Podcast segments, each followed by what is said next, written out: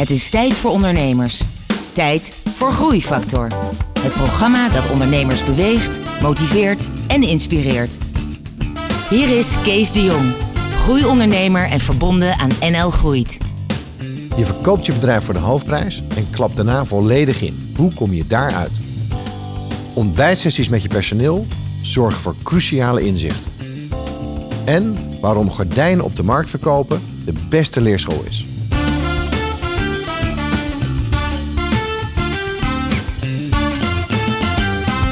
Hallo en welkom bij een nieuwe aflevering van Groeifactor. Met veel muziek en een openhartig gesprek met een inspirerende ondernemer. En vandaag is Marco Aanink eh, mijn gast. Marco, welkom. Dankjewel. Jij bent eh, de, de man of een van de twee mannen achter drukwerkdeal. Daar ben je bekend van. Nou, jarenlang heb je op alle lijstjes gestaan van de FD Gazelle. Uh, en, en van allerlei groeiwedstrijden. Je hebt veel in de, in de pers gestaan. Met name op het moment dat jij je bedrijf hebt verkocht. Ja, ja, drukwerk is natuurlijk niet, of drukwerk is natuurlijk gewoon niet een heel sexy product. Dus uh, je komt nooit op de lijstjes met consumentenproducten. Dus dat, dat, blijft altijd een beetje een lastig speelvet voor de marketingafdeling. Ja. Maar uiteindelijk uh, denk ik dat we drukwerk wel uh, bekendgemaakt hebben. En het bedrijf drukwerkdeal ook wel echt gehyped hebben tot iets bekends. En ja, een fenomeen natuurlijk als het gaat om, om groeien. Ja, en, en daarmee ben jij zelf ook een beetje een fenomeen. Daar gaan we het over hebben. Je ondernemershistorie, je hoogtepunten, je dieptepunten, alles wat je hebt meegemaakt. Dat allemaal zo direct. We gaan eerst luisteren naar muziek van Bos Keks met het nummer Lowdown. Groeifactor beweegt ondernemers.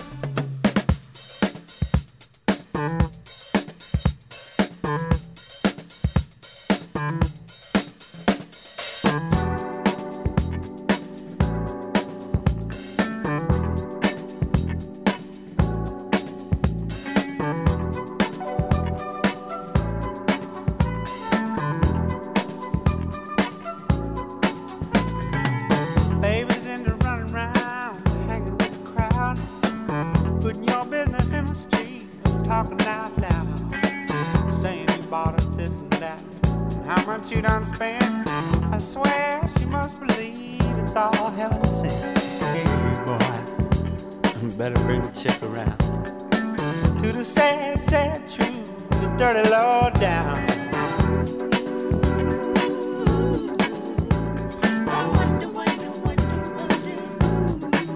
Taught her how to talk like that.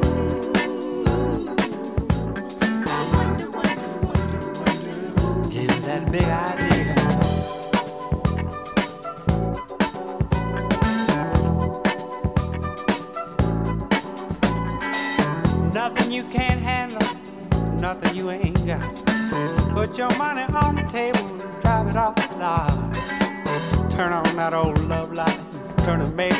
yes. Same old schoolboy game got you into this mess. Hey, son, you better get on back to town. Face the sad old truth, the dirty law down.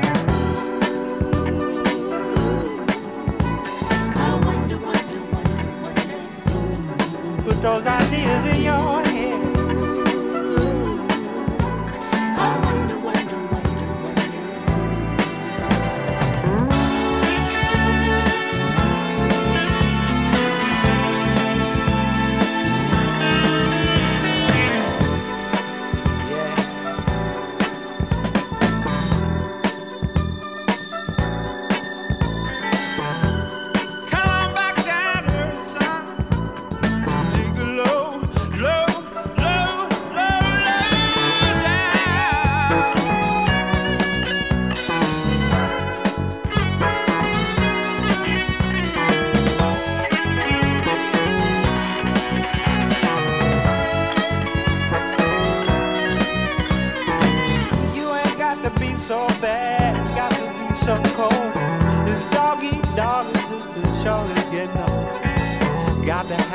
for this, Jones for that.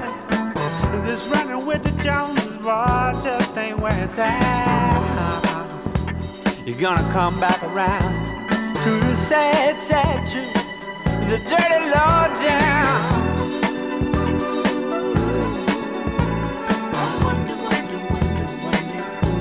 Got you thinking like that, boy.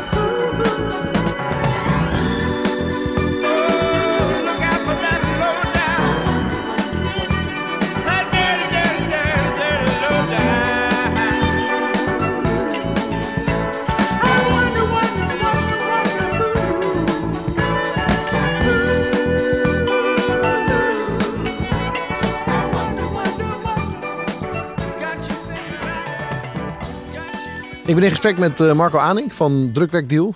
Uh, Marco, je bent 32. Um, wist je al vroeger dat jij ondernemer wilde worden? Ja, ik wou piloot of ondernemer worden. Die, die keuze had ik eigenlijk al heel jong gemaakt. Want deed je al ondernemende dingen in je jeugd? Ja, ik verkocht wel. Als wij een bruiloft hadden of hadden een feestje, uh, hoe jong ik ook was, ik verkocht altijd uh, spelletjes achter op een bierveeltje, gokken met, uh, met gasten. We deden altijd dingen, laat maar zeggen, om van, uh, van 10 cent drie gulden te maken. Ja. en dat lukte ook altijd. Dat deed ik samen met mijn neefje. Dus wij waren echt wel een beetje, ja, ja, al vroeg met handel bezig. Ja. Dat blijft toch in de genen zitten. En wanneer begon jouw eerste echte handeltje? Nou ja, mijn eerste echt handeltje, dat was dus al vroeg. Want ik weet nog wel dat ik vroeger ook bijvoorbeeld met mijn buurjongetje gipsen beeldjes langs de deur ging verkopen. Het sloeg helemaal nergens op, maar zo haalden we wel iedere week zakgeld binnen. Uh, op een gegeven moment, ik ging op de markt werken. Mijn bijbaantje was op de markt. Ik heb zo'n acht jaar gordijnen verkocht. Als iets niet makkelijk is, dan is het gordijnen verkopen op een marktplein. Dus daar leer je al heel snel om een binding met klanten op te bouwen. Om ze kraam te lokken, om ze een verhaal te vertellen, gunfactor te creëren vertrouwen te wekken en uiteindelijk dus zelfs op een markt gordijnen te verkopen. Maar acht jaar, dus hoe oud was je toen je begon daar? Ja, ik, denk, ik, ik, ik, liep op mijn tiende al op de markt. Uh, ik, ik woonde tegenover een winkelcentrum. Ja. En toen ik een jaar of tien, elf was, denk ik, uh, ging ik altijd met grote kannen koffie. Op de donderdagochtend ging ik naar het marktplein toe. Want alle horeca was niet open. Dus dan verkocht ik die mannen. S ochtends vroeg om half zeven, half acht verkocht ik een kopje koffie. dus ja, de eh, handel heeft er altijd al in gezeten. Later werd dat natuurlijk, ik bedoel, ik was op die markt bekend. Dus dan ga je op die markt werken. Kom je echt in die handel terecht. Word je gehad. Want de markt is ja, is toch een wereldje apart van uh, allemaal stoere mannen. Dus je, ja. je wordt ook wel een beetje meegenomen in, uh, in, de, in, de, echte mannelijkheid, laat maar zeggen. Dus dat is ook goed. Ja, en als je eenmaal op die markt bent, dan, dan, dan wordt handel er zo ingestampt. Nou ja, op een gegeven moment ging ik al die markt op mensen websites verkopen. Later uh, moesten ze drukwerk bij die websites hebben, want die websites moesten bekendgemaakt worden. Het was rond 2005 toen MKB ook een beetje online ging. Ja. En zo kwam ik eigenlijk erachter dat drukwerk heel duur was. Dat ik dacht van, dat kan niet waar wezen. Klein stukje papier, een beetje kleur erop, zoveel geld vragen. En daar ontstond mijn zoektocht naar goedkoop drukwerk en eigenlijk het plan van drukwerkdeal.nl. En dat is 2005 en toen was jij precies 20. Toen was ik uh, precies 20, ja. En, ja, en, ja, maar zat je toen nog op school? Of wat, uh, ja, ik deed small business. Ik ging uh, vanaf de HAVO ging ik small business doen. Ik wilde heel graag piloot worden, ook toen nog. Maar dat was wat lastig, want ik was wel iemand die veel mensen afleidde in de klas en makkelijk mijn cijfers haalde. Maar andere mensen hadden daar wel last van en konden daardoor wat moeilijker hun cijfers halen. Dus er werd mij geadviseerd om uh, iets meer uh, een praktijkopleiding te doen. Dus ik koos uiteindelijk toch ervoor om small business te gaan doen. En dat was een opleiding, hoefde je niet naar school toe. Want, uh, je deed projecten voor bedrijven, daar kreeg je je punten voor. Je hoefde geen lessen te volgen, geen toetsen te maken. Eigenlijk echt een hele pragmatische opleiding. En dat, dat was me op het lijf geschreven. Een soort continue stage die eigenlijk. continu stage, ja. Dus ik kwam bij veel bedrijven binnen. Ehm, ik kon veel om me heen kijken. Mijn mond goed gebruiken, want dat vond ik leuk. En ja, op die manier eigenlijk kennis maken met de echte handel. Uh, en ook met, met, met, met, met wat grotere bedrijven, laat maar zeggen, dan wat je op de markt ziet. Ja, dat was een, een nuttige periode. Dus eigenlijk toen jij op je twintigste begon, had je eigenlijk al een, een, een hele tocht langs allerlei soorten bedrijven, inzichten, voorbeelden, manieren hoe het niet, niet moest, had je eigenlijk al gedaan. Dus je was niet helemaal blanco. Ja, het was een fantastische opleiding. Maar in die tijd had die opleiding één valkuil. En dat was dat je ook een hoop dingen gewoon uh, kon creëren. En ik ben ondernemer, dus uh, ik, uh, ik, wil niet, ik, ik, ik mag niet liegen. Dus ik wil niet zeggen dat ik echt nou zo heel veel bij bedrijven had binnengekeken. Maar ik had wel het een en ander gezien. Ja. En dat, dat, dat was voor mij voldoende om zo snel mogelijk voor mezelf te willen ondernemen. Ja. Dus ik kwam er al heel snel achter, oké, ik moet iets voor mezelf gaan doen. Wat ga ik doen? Wat heeft ieder bedrijf nodig? Dat was in die tijd websites en drukwerk. Dus zo kwam ik eigenlijk al wat vroeg op het idee van, weet je, ik moet een massaproduct hebben. Ik moet zo gauw mogelijk zorgen dat ik mijn eigen geld ga verdienen, mijn eigen broek ophoud en uh, knallen. Dus uh, zo, zo, ging ik websites verkopen op de markt in mijn netwerk en uh, later drukwerk. En dat was inderdaad toch weer terug naar het moment dat je twintig was, toen je die drukwerkanalyse had gedaan. Dit is wel heel duur. Hier moet een oplossing voorkomen. hier wil ik een bedrijf in gaan beginnen. Nou ja, volgens mij zit ik hier tegenover een ondernemer. Uh, dus een analyse maken was er niet bij. Het is uh, zoals veel ondernemers het woord uh, bedrijfsplan niet kennen. Ja. was het een gevoel, een goed onderbuikgevoel. Was het veel praten, veel vragen stellen, goed luisteren, oren, ogen open. En dan zie je wel van, joh luister, als mensen mij gewoon aardig vinden, dan gunnen ze mij ook wel die handel. Ja. En dan kan ik ze alles verkopen. Ja, en drukwerk heeft nou eenmaal elk bedrijf nodig. Ja. Dus het was niet zo'n hele moeilijke keuze om te denken van, nou weet je, ik had, ik had een manier gevonden om drukwerk heel goedkoop te leveren een derde van de Nederlandse uh, marktprijs op dat moment. Ja, dan, dan, is, dan is je tweede uh, uitdaging is om het nog aan de man te brengen. Nou ja, ik denk dat ik redelijk makkelijk kan praten. En, uh, ik had, had je in ieder geval geleerd op de markt. Uh, ja, ik had een redelijk, relatief goede gunfactor. Dus het product afzetten was eigenlijk ook niet zo moeilijk. Oké. Later bedacht ik daarbij dat ik dat op het internet ging zetten. Want het was zo goedkoop. En ik merkte dat ik zo makkelijk van de handel afkwam. Dat ik dacht, ja, ik moet het echt breed aan de man brengen. Ik, ik ga een internetdrukkerij beginnen. Ja. En dat was nieuw. En dan ken je je klanten niet. Dan gaat het niet om gunfactor. Dan gaat het echt om, uh, om een stukje kennis. En, uh, ja, en ook het vallen en opstaan van iets onbekends. Oké, en dat verhaal, daar gaan we straks naar luisteren. Eerst luisteren we even naar muziek. Ever Changing Times van Mustang.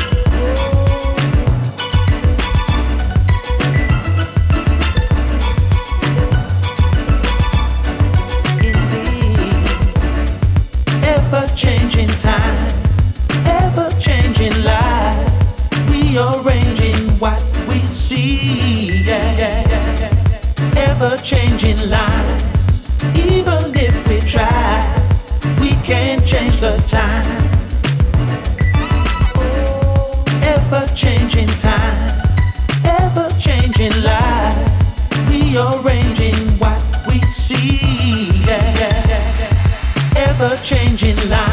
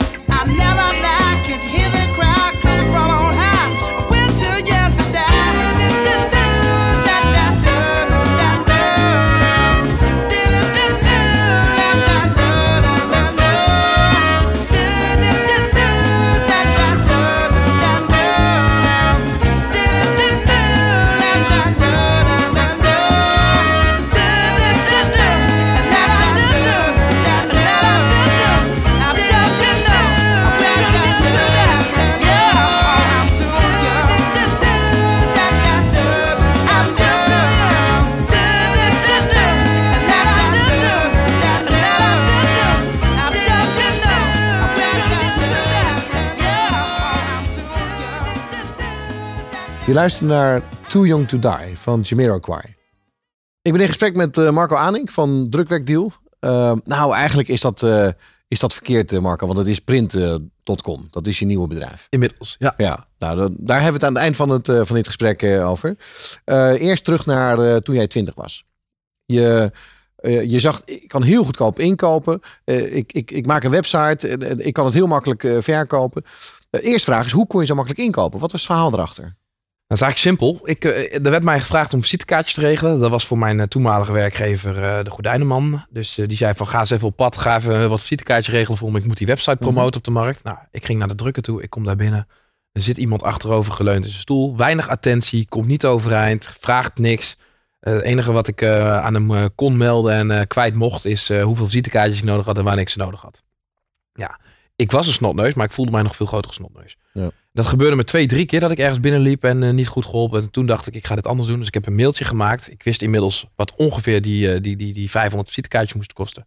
Ik heb dat mailtje 800 keer verstuurd. Nederlandse drukkers, Duitse drukkers, Belgische drukkers. En daar zat dus één drukker tussen. Die vroeg 50 euro voor kaartjes, waar iedereen ongeveer 120, 130, 150 euro voor vroeg. En toen dacht ik, dit is bijzonder. Dus ik bel die beste man op. Dat was een Duitser, diep Duitsland in. Ik zeg, hoe zit dat precies? Hij zegt, joh, stuur je bestanden maar. Ik lever goede kwaliteit. Stel niet te veel vragen. Vertrouw het. En ik zeg tegen hem, ik zeg, ik heb ze volgende week nodig. Ja, zegt hij, maar dat kan niet. Dat duurt zes weken. Ja, zes weken? Ik zeg, ik kan niet zes weken wachten. Ik heb al eh, 800 mailtjes gestuurd. Je wil niet weten hoe lang ik hier al mee bezig ben. Ik heb die Ja. kaartjes nodig. Hij zegt, Marco, zegt hij, vertrouw me. Haal ze maar op. Dan snap je ook waarom dit zes weken duurt. Dus ik ben 600 eh, kilometer Duitsland ingeknald met mijn busje. Ik kom bij die drukker. Echt een heel klein drukkerijtje aan een eh, oud spoor. eh, oud treinstation was het. En er stond één persje. En ik denk, jemig, waar heb ik me, waar heb ik me naartoe laten lokken, joh. Maar toen stond hij daar te, te, te draaien, laat maar zeggen. En ik zag al die pallets met werk staan. Ik denk, nou, beste man heeft wel druk. Stond een mooie auto buiten. Ik denk, nou, die doet het toch wel redelijk. En toen ging hij mij uitleggen. Hij zegt, joh, ja, jij hebt bij mij 300 gram visitekaartjes besteld. Dus ja, dat klopt. Hij zegt, Marco, zegt hij, iedereen bestelt 300 gram visitekaartjes. Ja, dat snap ik. Hij zegt, die moet je combineren.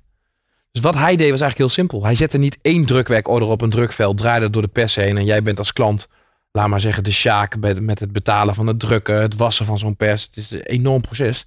Nee, hij zette daar gewoon, eh, in het geval van briefpapier, negen briefpapiertjes op zo'n drukvel. Negen verschillende klanten die met elkaar die kosten voor zo'n drukvel deelden. En in dit geval visitekaartjes konden er 56 visitekaartjes op zo'n drukvel. Dus 56 verschillende klanten die met elkaar de prijs van het drukken deelden. Ik denk, jemig, wat een idee zeg. Ik moet gewoon, dit moet ik gewoon gaan verkopen. Dit moet ik op internet zetten. Dan duurt het namelijk geen zes weken voordat ik 56 klanten heb. Ja. Die heb ik ze binnen een week met dit soort prijzen. En eh, zo geschieden, want ik uh, gooide drukwerkdeal online. Ik vroeg een studiegenootje van mij om mee te doen. die zag dat ook wel zitten. Oh, dat is jouw partner geworden? Ja, twee weken later hadden wij uh, drukwerkdeal online. briefpapier, visitekaartjes, enveloppen, flyers. Echt het drukwerk wat ieder bedrijf nodig had. Want we moesten het wel simpel en klein houden. Ja, en, en, en een derde van de Nederlandse marktprijs. Dus we groeiden natuurlijk als kool. Uh, plus een beetje marge erop, denk ik dan. Plus een beetje, maar ja, in die tijd konden we nog goede marge maken, want uh, we waren een van de eerste. En het, uh, het grappige was, er werd natuurlijk heel erg afwijzend ons gekeken. Drukkers die zeiden van ja, dat zijn cowboys, die halen hun papier uit Turkije en ze hebben Poolse drukkers. En ze, dus er zijn nog krantartikelen dat we drukwerk inkopen in Sri Lanka. Er werd van alles over ons verteld. Ja. Maar ze hadden niet door dat hoe meer ze over ons praten, hoe negatief het ook was. Des te beter het voor ja, was. Hoe meer klanten dachten, ja, dat kun je wel zeggen. Maar ik ga toch proberen voor dat geld, want er kan geen bel eraan vallen. Dus wij groeiden eigenlijk heel hard. En uh, zo werd het uh, idee van Drukwerkdeal eigenlijk het bedrijf uh, wat het vandaag de dag nog steeds is. En dan weer even naar die oorsprong. Want je hebt het dan in het begin gedaan met dat Poolse of met het Duitse drukkertje, denk ik. Maar, ja. maar dat duurde niet lang, denk ik. Want toen had je al te veel werk voor hem waarschijnlijk. Nou, wij groeiden goed door. Alleen op een gegeven moment zaten we elke vrijdagmiddag zaten we in het busje naar Duitsland toe. Want dan waren de orders niet verzonden door de Duitsers. En het waren toch klanten die op zaterdag uh, hun flyers moesten hebben. In discotheken, fitnessscholen, weet ik veel, verzin wat. Maar ja, die klanten die zeiden, ja luister, je zorgt maar dat het er is morgen. Wij moeten gewoon uh, aan de slag. Toen kwam er een uh, Nederlandse drukker die, die wel door had dat wij iets succesvols deden. En dat was echt uniek in die tijd. Want iedereen die, die sloeg alleen maar naar ons toe. Die drukkers die hadden het verschrikkelijk moeilijk dat wij om ze heen aan het manoeuvreren waren. Dat vonden ze niet leuk. Er was één drukker in Nederland die zei van... Joh, ik geloof hier absoluut in en ik ga hierop meeschakelen. Gooi al je volume maar bij ons neer. En zo werd het langzaam naar Nederland toe gehaald. En zo kwamen in 2008 ook op een, uh, op een moment terecht... dat klanten steeds meer om spandoeken begonnen te vragen... om vlaggen, om bouwborden, allemaal groot formaat producten. Maar er was geen leverancier die voor ons wilde werken. Want ze zeiden allemaal wat jullie doen, dat is de markt kapot maken. Dus zoek het maar uit. Maar we hadden inmiddels natuurlijk een paar jaar goede marges gedraaid. Dus wij dachten, we steken al ons spaargeld gewoon in machines. En zo ontstond er een eigen fabriek in Deventer. En uh, dat werd ook een, uh, een doorslaand succes. Want we gingen producten leveren die eigenlijk uh, nog niet gecombineerd gedrukt werden.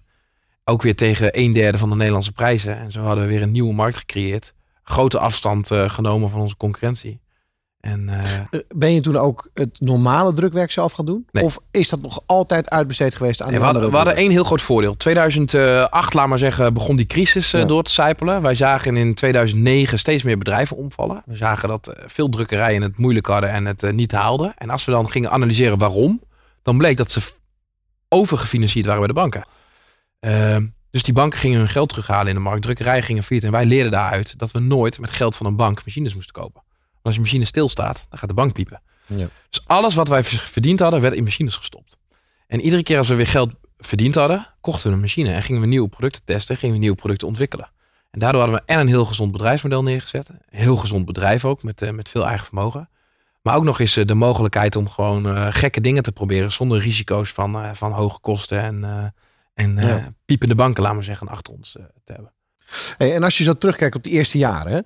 Um, de eerste drie, vier jaar. Wat voor soort uitdagingen hadden jullie dan voornamelijk?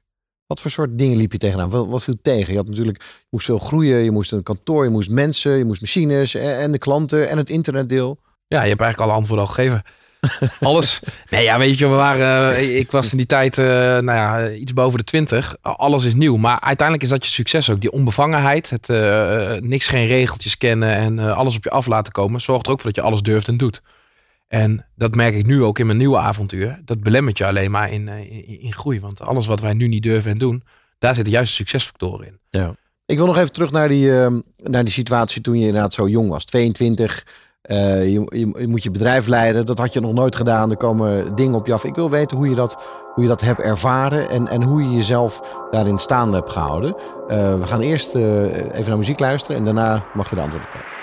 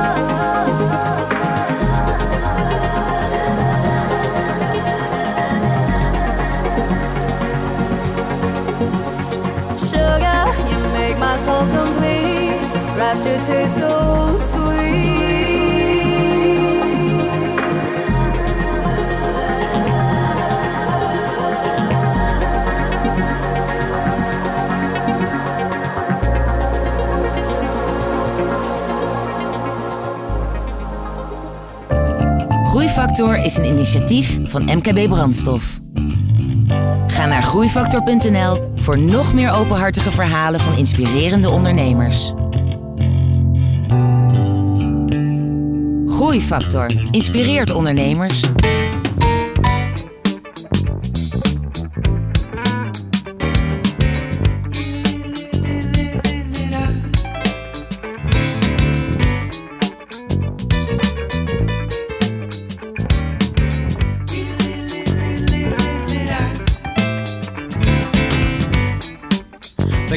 For winners.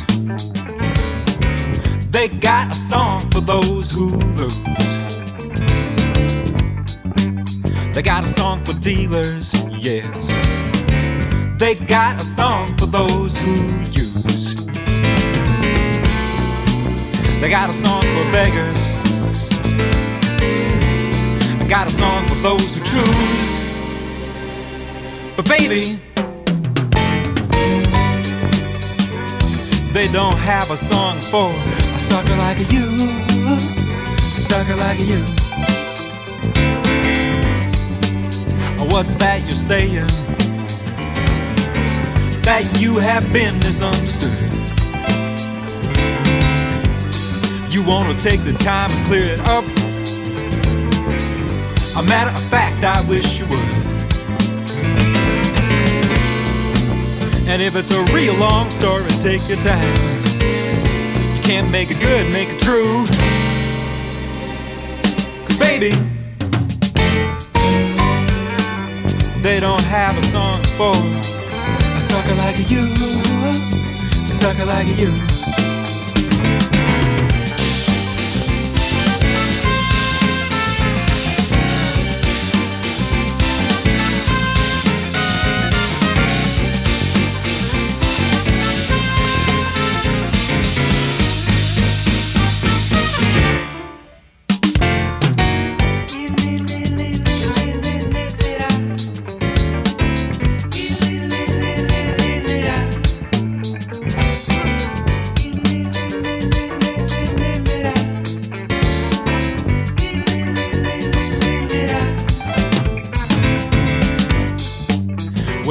Got your doctor.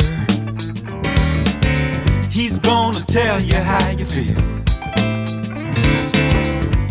And you got yourself a lawyer, don't you, babe? He's gonna show you how to steal. Now you want a musician. Want him to make your dream come true. Well, baby. They don't have a song for a sucker like you, sucker like you.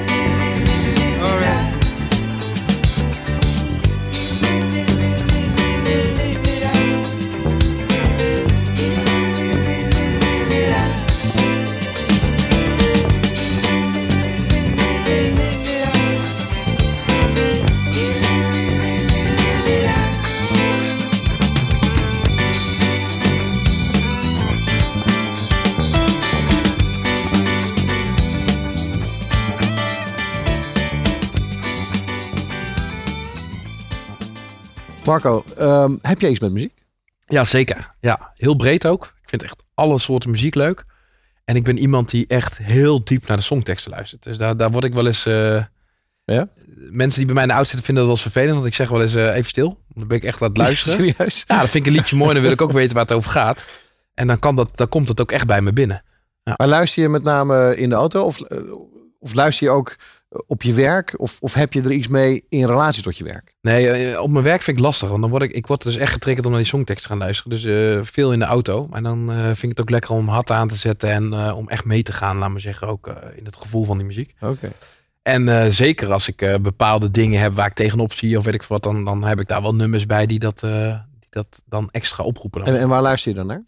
Nou, ik ben wel een beetje van, eh, van eh, Nederlandstalige muziek, eh nederpop, maar ook zeker de, de Hazes en de Tino Martin. Dus Ja? die concerten die bezoek ik graag. De Nederlandstalig vind ik heel mooi, maar ik ben natuurlijk uit de, de Usher-generatie. Usher is voor mij wel een echte inspiratiebron. Dat vind ik fantastische muziek. Dus Maar joh, ik kan ook veel verder terug hoor. De muziek die mijn vader vroeger draaide, dat vind ik zelfs super gaaf om te luisteren. En, kan ik meer vinden. Nou, eh, nou Hazes eh, en dat soort eh, muziek eh, past niet in het thema of in het, in het programma. Maar van Usher kunnen we zeker iets vinden. Dus daar gaan we nu even naar luisteren. Yeah.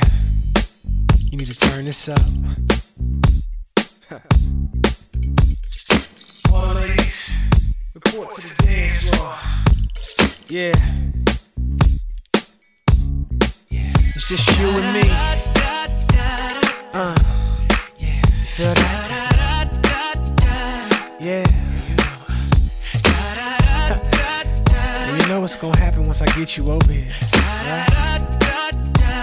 You scared. Yeah. Baby, I can't wait to get you up in my room. Baby, first let me go and set up the mood. Yeah. Now I'm do you up and down. I'm do you down. I'm that body, baby, floating all around.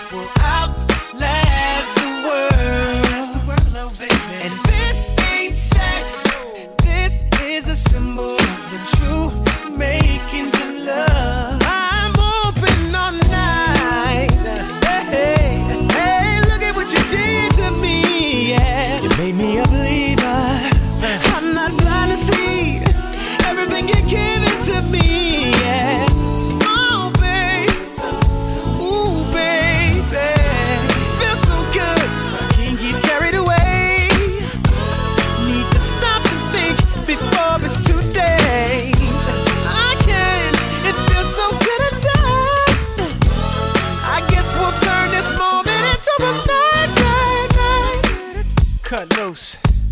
Bring it back, bring it back.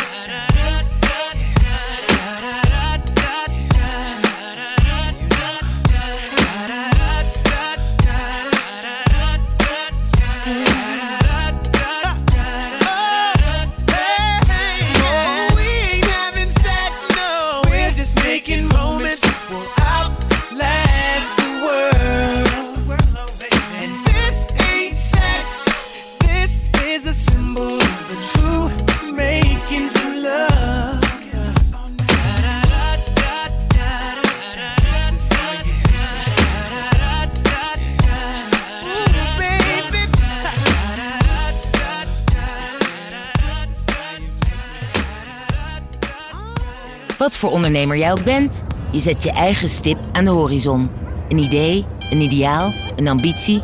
Groeifactor helpt je daarbij, zodat je persoonlijk en zakelijk vooruit kunt. Groeifactor beweegt ondernemers.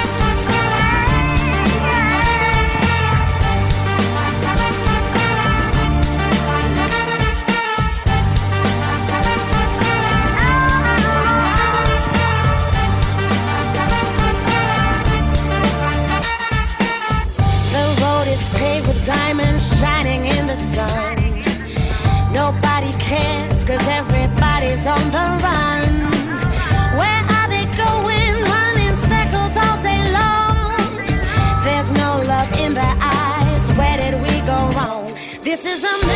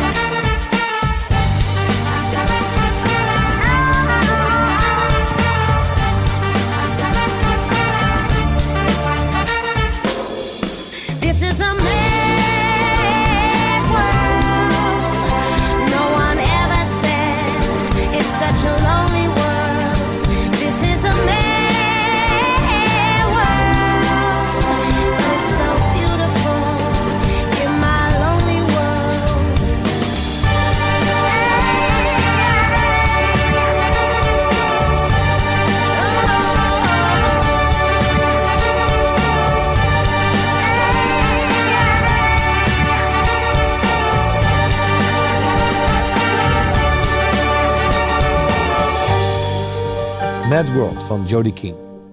Ik ben in een gesprek met Marco Aaning van Drukwerkdeal. Eh Marco, je bent 22, 23. Je hebt al eh, eh, 10, 20, 30 mensen voor je werken. En alles doe je voor het eerst. Ehm, Kan je iets vertellen hoe je die periode hebt ervaren? Ja, die periode, dat je, dat, vooral omdat je zo jong bent, laat maar zeggen, is het natuurlijk heel bijzonder. En, en werk je ook heel hard. Je hebt weinig eh, verplichtingen eh, in je sociale leven. Je hebt weinig verplichtingen financieel. Dus je kunt ook elke minuut van de dag aan je werk besteden. Dat doe je ook, want uh, ondernemen is je passie. Ja, dus jullie werkten ook gewoon eh 15 uur per dag? Ja joh, ik was altijd op het werk. We werkten nachten door als het moest. Het maakte niet uit. Het was gewoon echt... eh, we zagen natuurlijk ook eh, een groeilijn naar boven. Hè? Dus je gaat er ook steeds harder voor lopen. Het is ook een en al adrenaline dat je terugkrijgt. Ja. En we zaten helemaal niet in voor het geld. Het was echt gewoon de kick van, eh, van het groeien. Als je naar de verschillende fasen kijkt waar je doorheen bent gegaan. Wat was nou de fase waarin jullie het hardste zijn gegroeid? Ik denk dat dat de fase was dat eh, angst volledig overboord ging. ik kocht mijn compagnon uit in 2012. En dat was ook het moment dat ik dus naar de bank moest. Ja. En toen zat ik er al zo diep in. Toen dacht ik, jemig, ik moet nou echt miljoenen lenen om iemand uit te kopen. Eh, het is nu echt alles of niks. Ik bedoel, nu heb ik toch niks meer te verliezen. Want De ik dood heb, of de gladiolen? Ja, ik ben eigenlijk alles verloren nu. Als het morgen misgaat, ben ik alles kwijt. Prima, zo so be it. Nu gaan we het anders doen. Dus ik had ook echt eh, ik had, eh, goed gesprek met mijn adviseurs. En die zeiden ook van, joh, pak het anders aan vanaf vandaag de dag. Mhm. Zet goede mensen om je heen. Nog betere mensen. Ja. Dus ik heb een managementteam gevormd om me heen. Dat kost verschrikkelijk veel geld. Eh, maar ja, ik had toch al zoveel geld uitgegeven. Daar kon er ook nog wel bij voor mijn gevoel. Ik denk, het is nou ja, de dode gladiolen. En wat ik ook deed, was, was een extra pand erbij huren. Dus nog meer kosten maken. Maar waarom? Ik knipte mijn bedrijf op in tweeën. Ik had een productiegedeelte en een, eh, ja, een verkoop-marketinggedeelte. Mhm. Dus we huurden een nieuw pand. Daar ging de afdeling marketing, eh, ontwikkeling, productontwikkeling heen. Daar ging ik naartoe. Eh, we lieten het, eh, het andere gedeelte van het bedrijf achter in het oude pand. Hoeveel omzet deed je toen ongeveer? Dat was 2012, dus ik denk een miljoen of eh 24 of zo. Eh, en dat was een hele goede keuze. Want eh, ja, we zagen dat, eh, dat, dat klanten merkten dat we naar ze, naar ze luisterden. We ontwikkelden veel meer producten. De site werd eh, met de dag beter. We, we waren echt weer aan het focussen op de klant. Ja. En dat was een hele belangrijke stap. En in de jaren daarna zag je ook echt een hockeystick eh, ontstaan wederom. En je noemde ook nog eh, terloops het woord adviseur. Ja. Wie Ja. had je, wat, wat, hoe, hoe Nou, zat dat mijn interne mensen noem ik dan eigenlijk hoor. Ja? Ik had, weet je, mijn belangrijkste adviseur was mijn personeel. Elke dinsdagochtend had ik een ontbijtsessie. Zaten er tien mensen, verschillende mensen uit het, eh, uit het, eh, uit het bestand zaten aan tafel. Ook om de drempel te verlagen om gewoon bij mij binnen te lopen en te zeggen wat je ervan vindt. Maar er was maar één doel elke dinsdagochtend. Dat was van half acht tot half tien. Vertel mij maar, als jij morgen hier de baas bent, hoe je het zou doen. En dan hoorde ik de meest banale dingen. Als de koffie is slecht, het toiletpapier is altijd op, de keuken is altijd smerig. Tot weet je wel wat we tegen klanten zeggen. Weet je wel hoe wij de telefoon oppakken? Weet je wel hoe vaak de telefoon overgaat voordat we hem oppakken? Weet je wel eh, de- hoe de kwaliteit van dat product eh, door onze klanten eh, afgekraakt wordt, laat maar zeggen. En daar hoorde ik dingen die ik zelf niet hoorde, want ik heb dat klantcontact niet. Ik was Nee. bezig met, de- met de hoofdlijnen van mijn bedrijf. Ja. Maar mijn medewerkers waren het filter tussen mij en tussen die klant. Heb ik je, moest heb naar hun gaan lang gedaan, die sessies op Ja, dinsdag? ja, ja, heb ik echt de afgelopen paar jaar gedaan. En het waren de meest waardevolle sessies van, Ja. mijn, van mijn leven. En die mensen stuurden mij persoonlijk ook. Want er is niks moeilijker als je een groep van tien man tegenover hebt zitten. Die zich ook wel eens naar jou toe richten. Want ik deed ook niet alles goed. Om dan niks te zeggen. Om te slikken en te denken, ja oké. ik mag hierop terugkomen, maar over een uur. Eerst nadenken. Ja. Ja, dat was verschrikkelijk. Want eh, de ene keer ging het niet over mij, maar het ging ook wel eens wel eens over mij. Maar je deed dat jezelf aan, dus dat is een Ja. bril- briljante techniek. Ja, maar het leuke was... Hoe- hoe eh, kwam je daar er mocht, er mocht geen manager bij zitten. Mhm. Mensen moesten echt alles kunnen zeggen wat ze wilden zeggen. Dus er werd ook wel eens wat over het management gezegd. En dus Mhm. ook over mij, maar ook over andere mensen. Dus wat deed ik na die sessies? Ging met het managementteam zitten. En dan zeiden we, oké, dit eh, is er vandaag uitgekomen. En dan hoor je ook altijd, ja maar, nee. Dit gaan we vandaag oplossen. Ja. En ik wil voor vanmiddag vier uur, want om vier uur moest er een mailtje uit, wil ik de eerste dingen opgelost hebben. Want dan zien mensen ook dat we echt naar ze luisteren. Want dat wil je bereiken. Want dan krijg je gunfactor en dan zeggen mensen, dit is niet voor niks. Hier moet je naartoe gaan. Als Marco je uitnodigt, dat is leuk, moet je doen.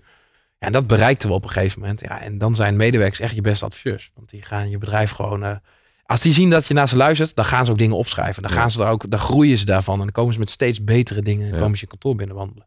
Ik vind het echt een briljant eh, proces. En ook een briljante tip alvast naar andere Ja. ondernemers. Hoe, Ja, wij doet het de milk meetings. Dus eh, het was gewoon uh, melk en eh, broodjes. En meer hoef je ook niet te regelen. Nee. En gewoon even lekker Nee, luisteren. en, en je moet je mond houden. Ja. Je moet je even je ego opzij zetten en, en, en, en luisteren. Wat knap. Ja. Hey, je, hebt, je hebt natuurlijk een, een waanzinnig... je hebt een briljant ondernemersverhaal neergelegd. Van, van, van nul ehm, naar, eh, naar 34 miljoen. Je hebt het voor de hoofdprijs eh, eh, verkocht. Ehm, maar je zal ook dieptepunten hebben gehad in die hele fantastische reis. Als je terugdenkt naar je ondernemersavontuur. Wat, wat waren jouw dieptepunten? Nou, het grootste dieptepunt is denk ik toch het afscheid nemen van je compagnon. Je begint samen aan een droom. We hebben veel in het buitenland gezeten, waren veel reis, altijd onderweg. Nou ja, op een gegeven moment dan ontstaat er echt een hechte vriendschap. Je gaat met elkaar op stap. Onze partners konden het heel goed met elkaar vinden. Ja, als zo iemand op een gegeven moment besluit om te stoppen, ik, weet- daar heb ik het echt heel moeilijk mee gehad. Daar heb ik zeker een, eh, een, ik ben daar zeker ook de plezier in het bedrijf door verloren geraakt. eh, lange tijd. En dat zie je aan de cijfers ook wel. Je ziet echt een dip in onze groeilijn.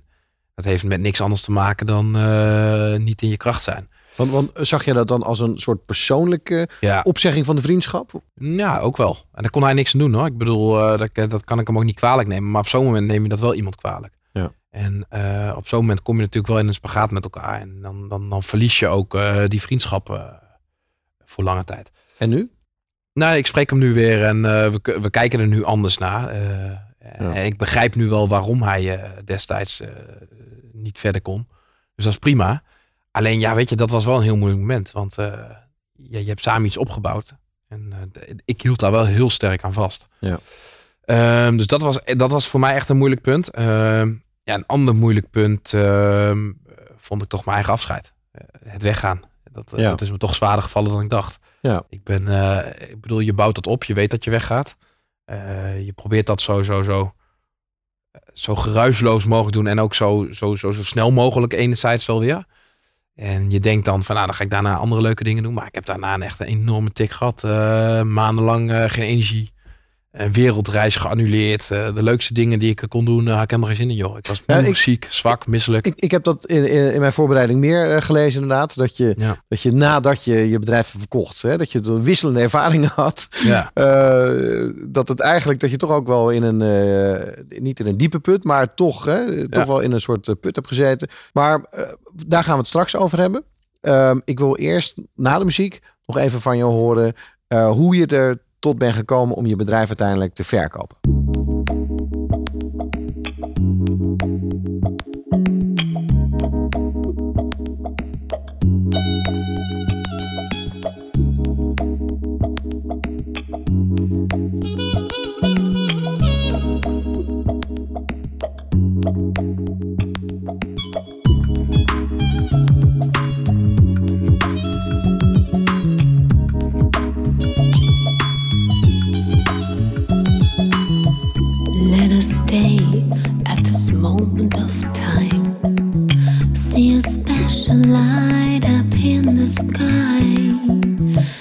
Let us prove the day's sublime. Cause now we can believe in what we find.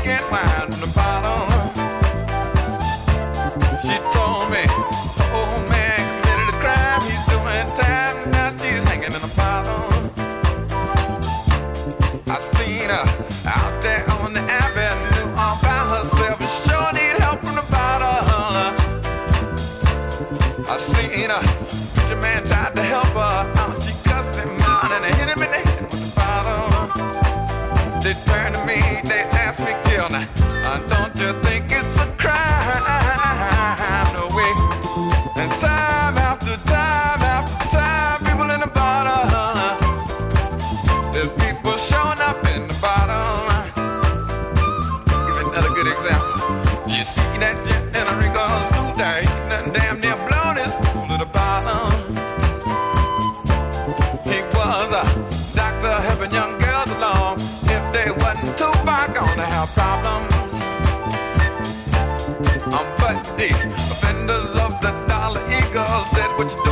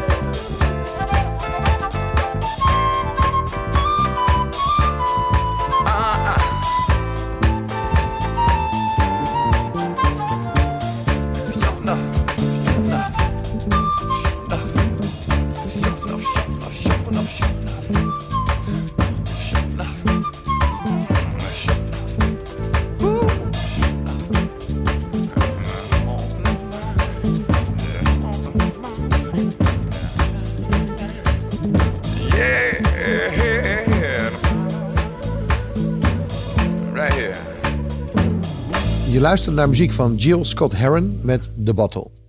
Ik ben in gesprek eh, met Marco Aanink. Marco, eh, in 2015 heb jij jouw bedrijf eh, verkocht. Dus waarschijnlijk in 2014 of misschien eerder al. Had je zoiets. Ja, dat is een van de, van, de, van de richtingen. Waarom heb je daarvoor gekozen om dat te doen? Nou, meerdere redenen. Kijk, op een gegeven moment in 2012 eh, kocht ik mijn compagnon uit. De, toen ging ik zware financiering in en eh, werd het bedrijf toch wel een ander bedrijf. Mhm. Eh, je hebt met meer mensen te maken, managementteam. er komen wat lagen. Ja, dan verlies je toch wel een stukje van je, van je persoonlijke kracht en van je ambitie. En ook van het plezier. Hè? Wat ik zei, dat mijn compagnon vertrok, dat heeft het toch wel ingehakt.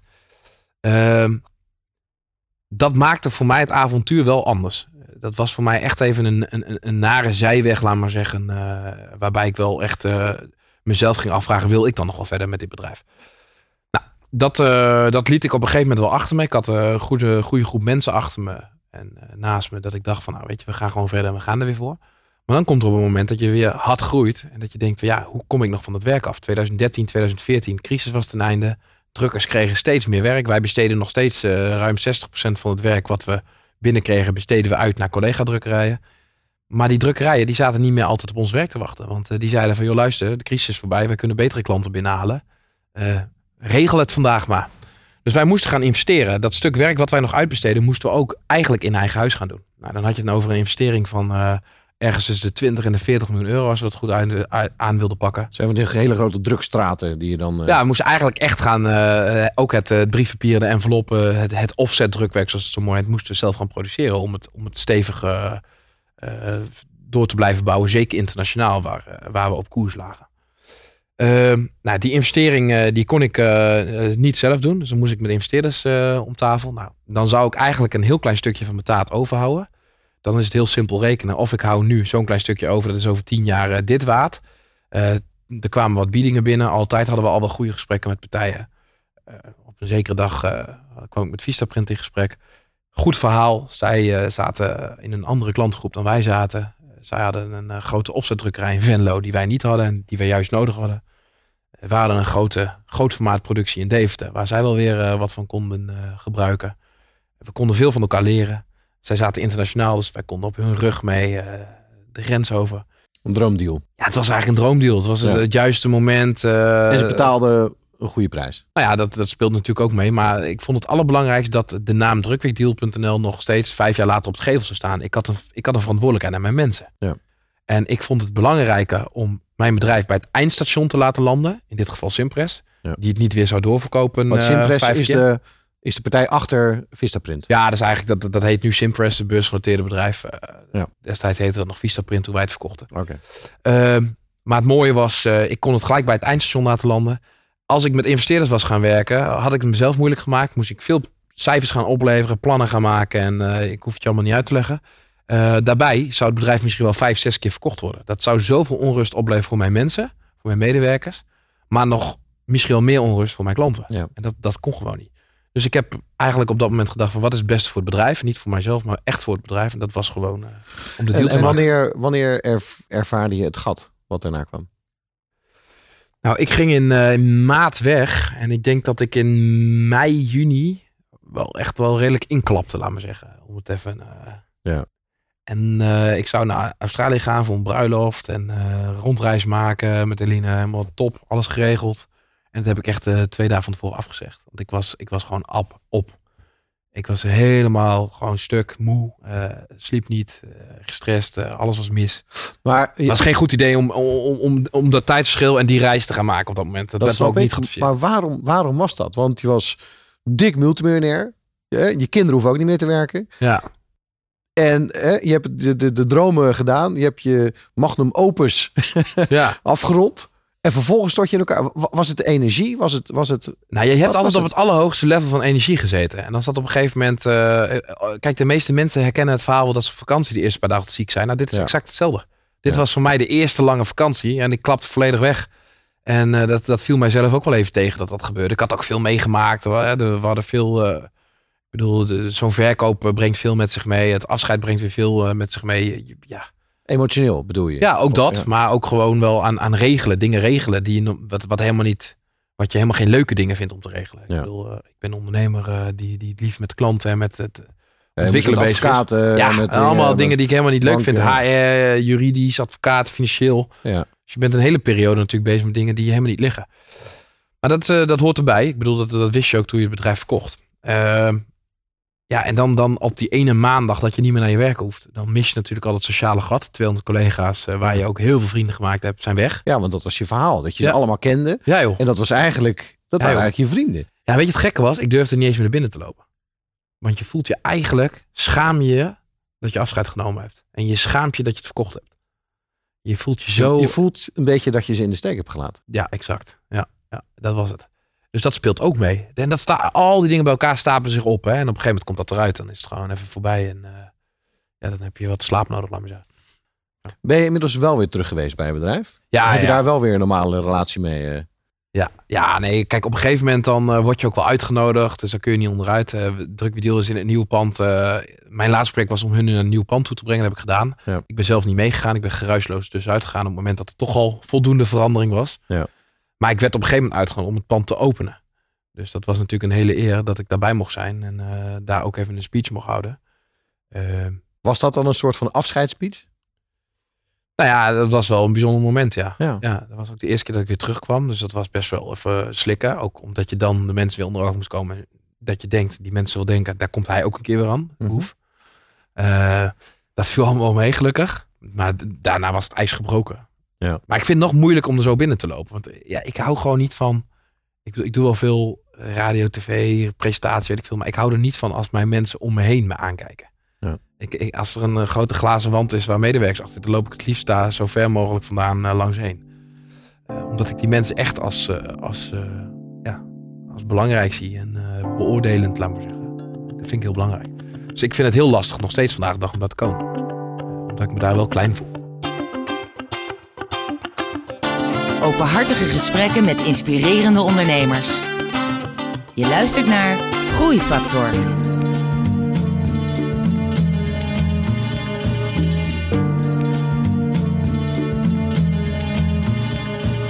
Too many times you cross the line, don't you come crawling back to me. Saying we can be friends, it's not the end, trying to fix it with sorry. You cheated, you lied, you made me cry, left me alone with no affection. Now look at you broke, I hope you're choking on your tears and all your tension. He'll take your heart, he'll take your heart, he'll take your heart,